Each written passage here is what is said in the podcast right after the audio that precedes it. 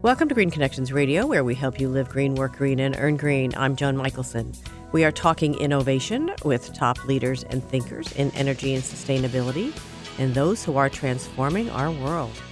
You benefit from my extensive network of C level executives, entrepreneurs, artists, authors, government leaders, and journalists, and my many years in the media and Fortune 500 companies.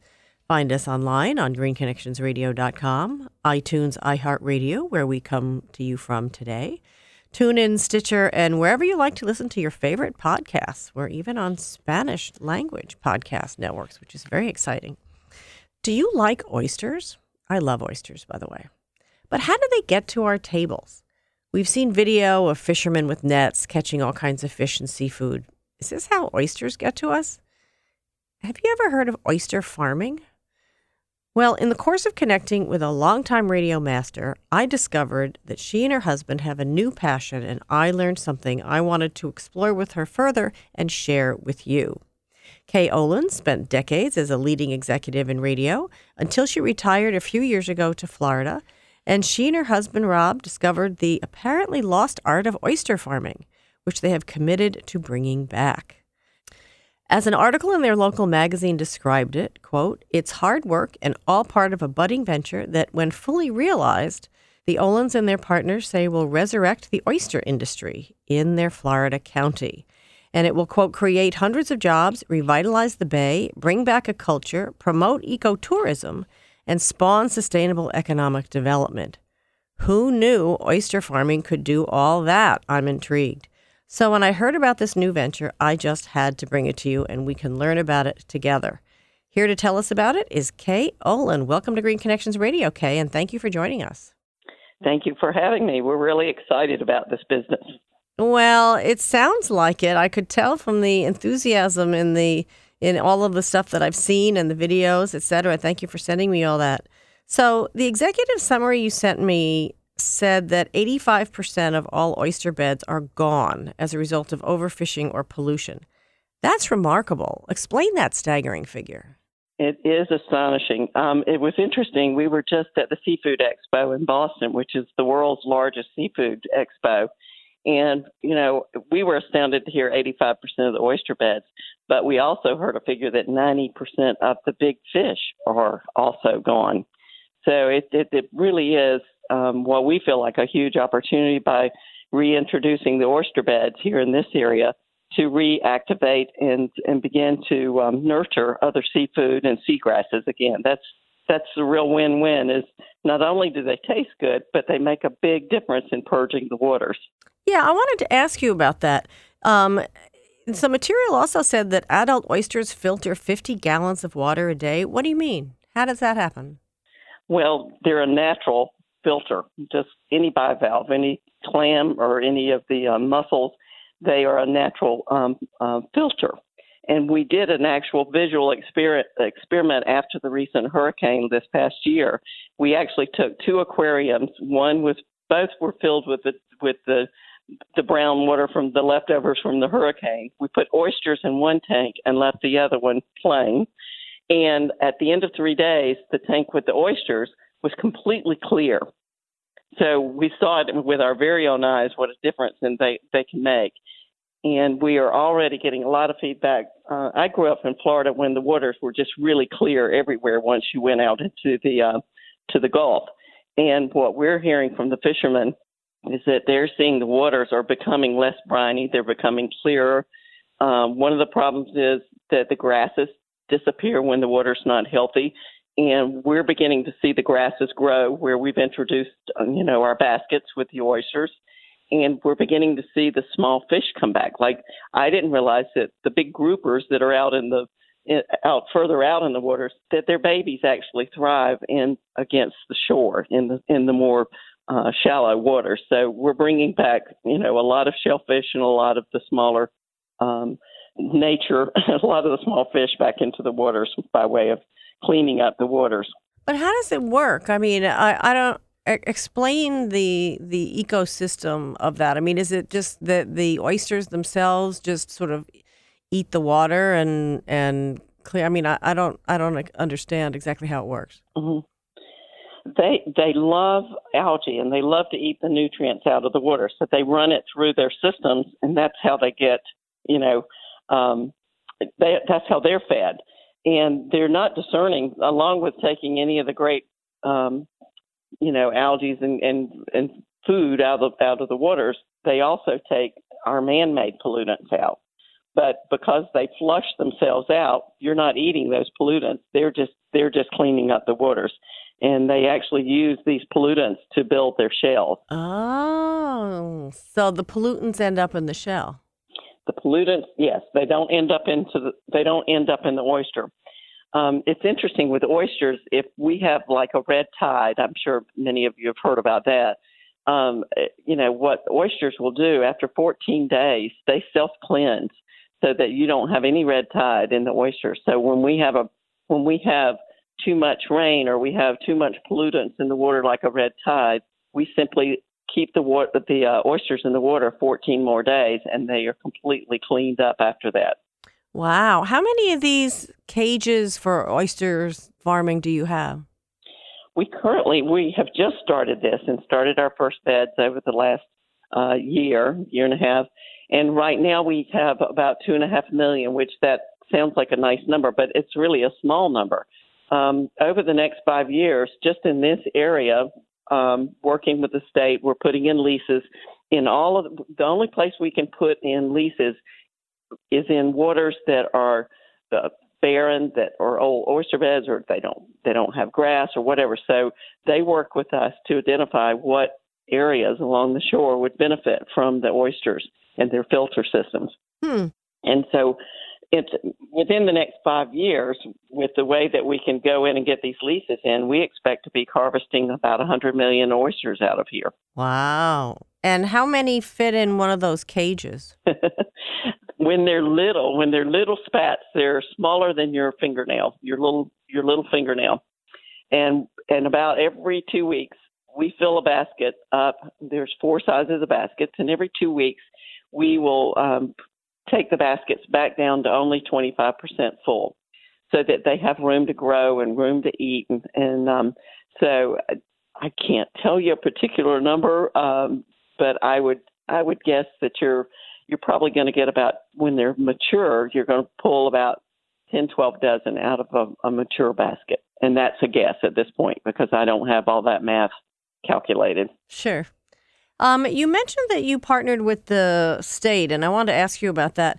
How did you put that deal together? I mean, what was the process of reaching out to the state and saying, you know, we have this new methodology? What do you think?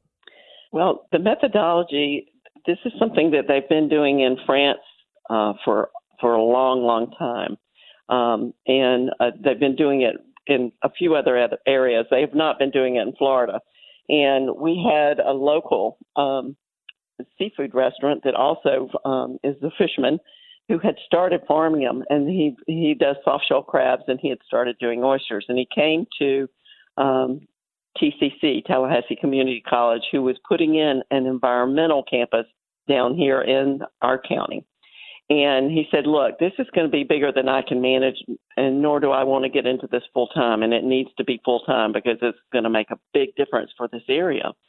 So he said, Why don't you all get involved? So Bob Ballard at Wakulla uh, Environmental Institute went to the ag department and the state and talked to them about the fact that we had this opportunity and if they would work with us in identifying the leases, which are all about an acre each, um, then we would work with training, and and so the response has been amazing. I think the waiting list now to get into an oyster growing class is about six years, and they just are adding as many places as they can because you know one of the it's it's it's wonderful what they do for the environment. It's wonderful how they taste. And the fact that we're going in and replacing a, a seafood in an industry that is just really gone, um, but it's going to create uh, it's it's great for creating barriers along the shore to uh, to prevent erosion.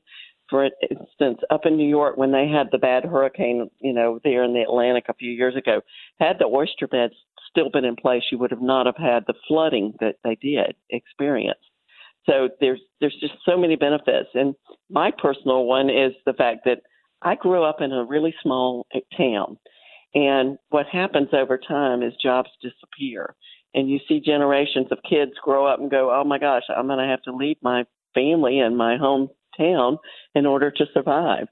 We're excited about this business because not only will it create a lot of many jobs, hundreds of jobs for um, the kids here and, and new opportunities, but it's going to reinvigorate uh, an area that was once a thriving um, fishing area. And you would see 15 big boats go every, out, you know, every day to go fishing.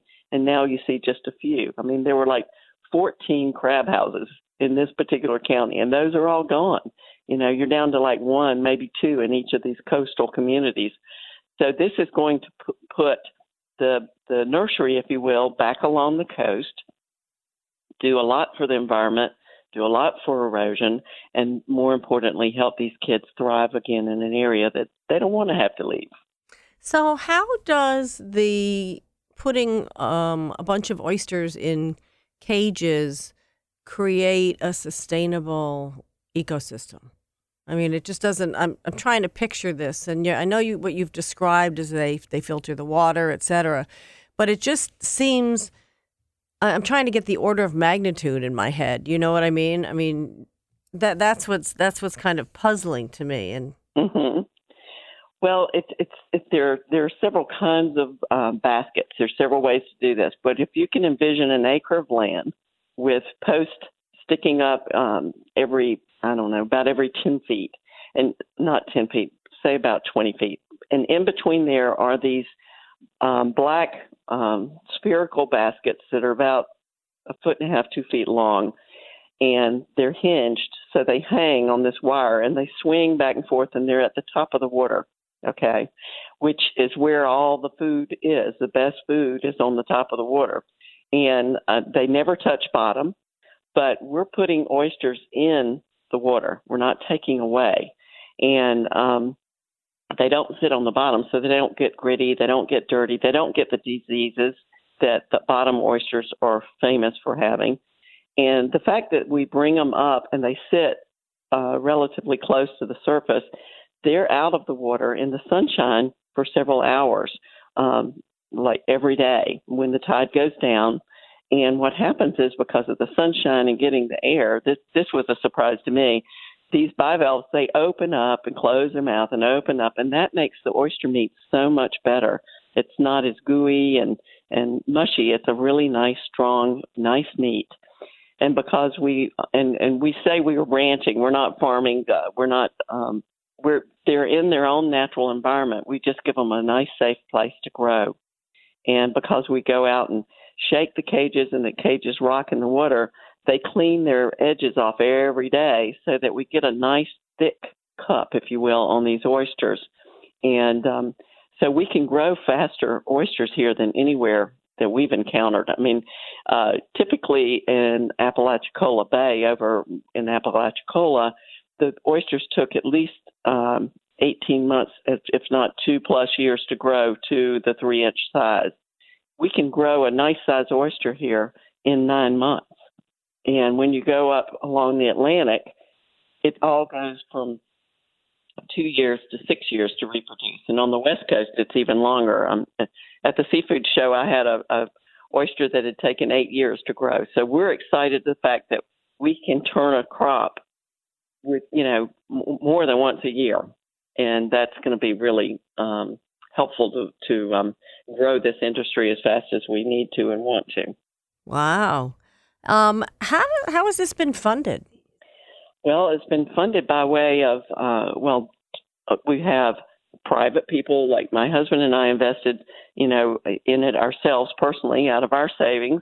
Um, the other thing is uh, by going to Wakulla by the um, by way of the Environmental Institute, they went to the state and got scholarships put together so that when um, people want to go through, they go through the program, uh, and then they have um, a year and a half, I think it is, to pay back um, the, for the program and for their equipment.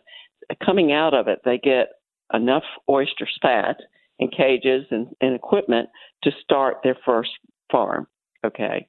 So they're funding it in a way that they can go out, grow the crop, and then pay back the college for their their um, class.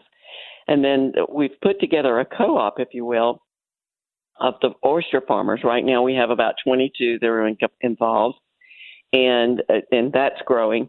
And we're creating a co-op so that we're going out and putting the kind of um, equipment and support and marketing and, and sales force and everything you need to be a successful business together cooperatively so that we can help these farmers focus on farming oysters and we help them take it to market at a at a at a great price because you've got to be profitable to be successful. Well, I was going to ask you about that. So, um, what do your oysters cost as opposed to others that we find in the restaurants today? Well, because of the oysters being so premium, they're just wonderful, clean oysters. We've been able to get a better price um, oysters had been selling wholesale for around 30, 35 cents. So it's very hard for an oyster farmer that goes out daily with tongs trying to find them on the bottom and pull them up, and you don't know how many oysters you're going to get on a daily basis. And, you know, it had really gotten to be a sad state because you had BP come in, you know, and they had sprayed and you had over oystering and, and, and they took the babies out, I mean the, the beds out, if you will, by over tonging in, in panic that the waters were going to get bad. So oysters only attach in, in natural form to other oysters. Un, unless you're putting in the spat like we do, and we actually grow. We have a, we're putting a nursery in, so we're going to actually grow our babies, and uh, they're no different than the ones you get off the bottom, but it's a more um, predictable business if you know you're going out and you're going to pull so many dozen oysters out of your baskets a day than trying to go out with these long tongs and just hope you hit you know enough dozen oysters to um, be profitable for the day. Mm-hmm. So what do yours cost? Ours wholesale for fifty five cents, and um, the restaurants are now paying at least uh, uh, eighty five cents. Wow, can we? Uh, are they only available in Florida, or are they going to be? Because I saw that you want to grow this nationally and internationally, but I know you're not probably not quite there yet. We want to expand that. Yeah, I mean, Florida has more farmable waters, if you will, than than I mean, we are the state for farmable waters, and you can grow 30% more protein out in the water with aquaculture than you can on land. So we feel like it's it's a huge opportunity. We've had um, a lot of uh, rivers and, and counties calling us to to ask us, can you help us put oysters in our waters to clean them up? You've heard a lot about algae in in um, Okeechobee Bay and Indian River. I mean, we're talking to a lot of people to just come in and be a cleanup force, if you will.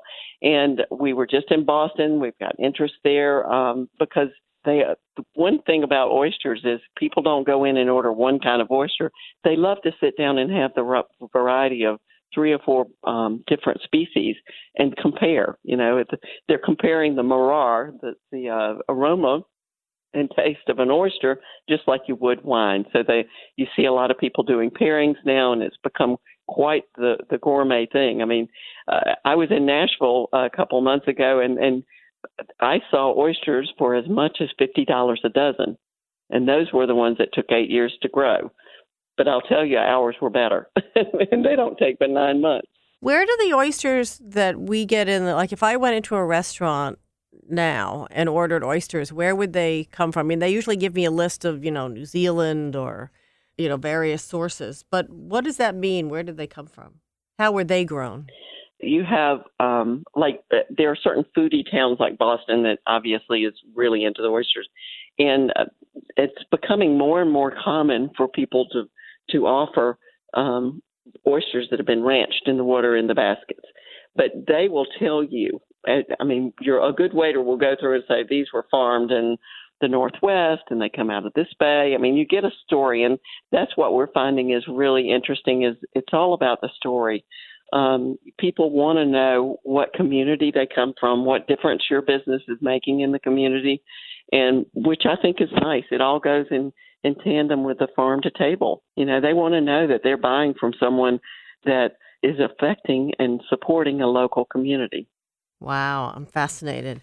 Um, before I let you go, I just wanted to ask you a couple questions about you. Um, the transition from radio to oysters is quite a leap. Can you kind of take us a little bit through? I mean, how did that happen? Well, I've never really left radio because it's one of my passions, and I'm still very much involved with a couple of um, national boards, and and I I'm I have a passion about um, mentoring, uh, especially young exec- executives, and helping them grow and lift them up. Uh, my husband that came out of broadcast, he's still involved with a local uh, radio station. We still believe in uh, the value of marketing by way of radio. I mean, it is just like the best uh, local newspaper you could possibly have an in- information source as far as we're concerned. So uh, it, it was interesting in, in putting together the plan for the oysters and bringing them together in terms of helping them build a brand and how are you going to market them and all. It pulled upon all the expertise that my husband and I had and we worked with a really good communication and marketing company to do so. It was really fun to take what I'd known and done for other people over the years and sit and become a customer, if you will, with that agency. And um, so you, it's in your blood. You never want to um, throw away the baby with the bathwater. So, um, but it's it's really interesting to go out and take what you've grown and known over the years in life and be able to apply it back to a community. And, uh, you know, I find no matter what you do in life, uh, everyone is looking for mentors. They're looking for people that can reach out and help them get involved in a business or mentor them into what they want to do in life. So it, it, it's never as simple as I'm in radio or I'm in automotive or whatever. I mean, I think if if if you're especially if you're a little bit more mature in the business or in age, you want to do something that makes a difference.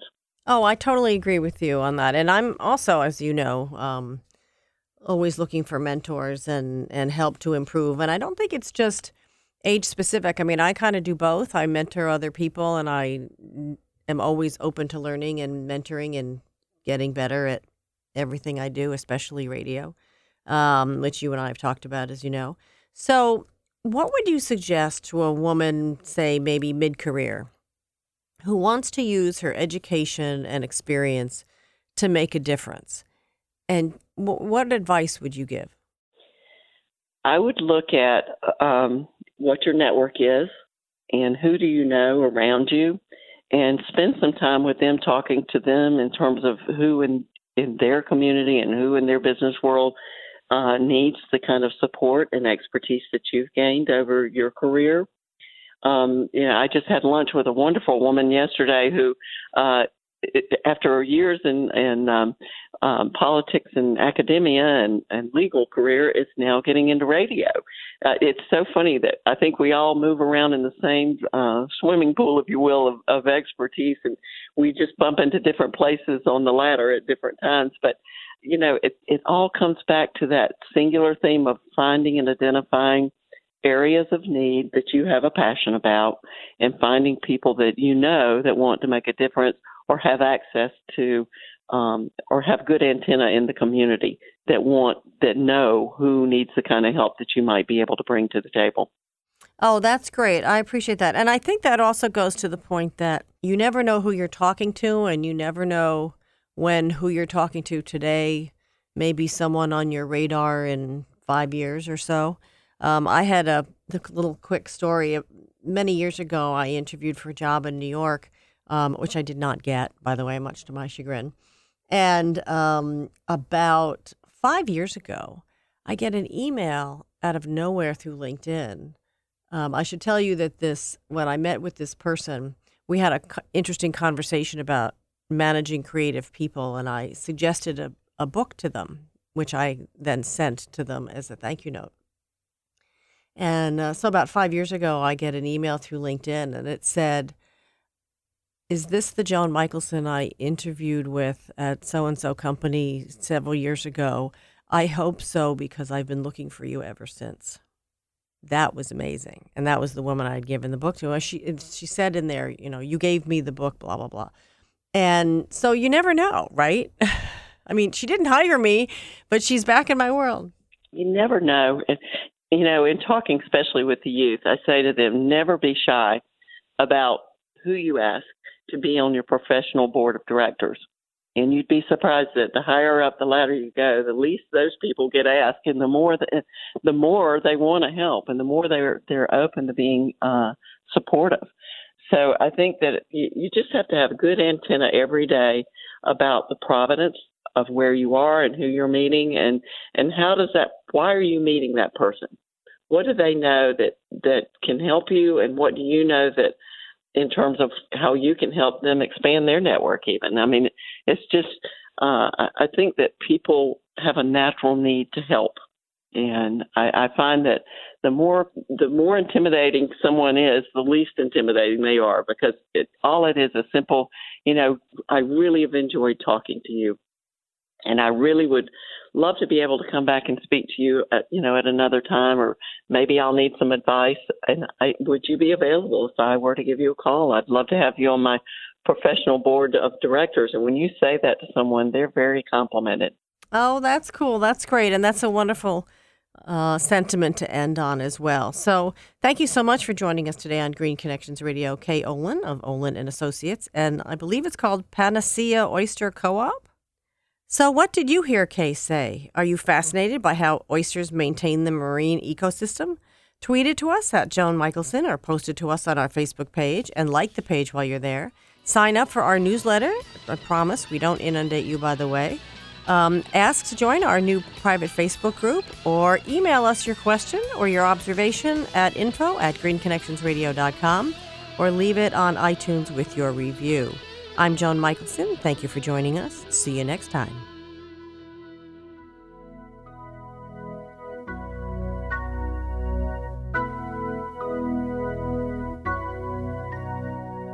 Hi, my name is David Goldberg, president of Edge Studio, a voiceover company. We oversee professional narrators and voice actors for sales videos, training videos, telephone pre recorded systems, commercials, web videos, and all applications requiring voiceover. And in fact, for over 20 years and in over 100 languages, we have been considered the most trusted and the friendliest leader in the voiceover industry. We're a green company with efforts towards sustainability at all of our studio locations. EdgeStudio.com. Sound people who are happy to help.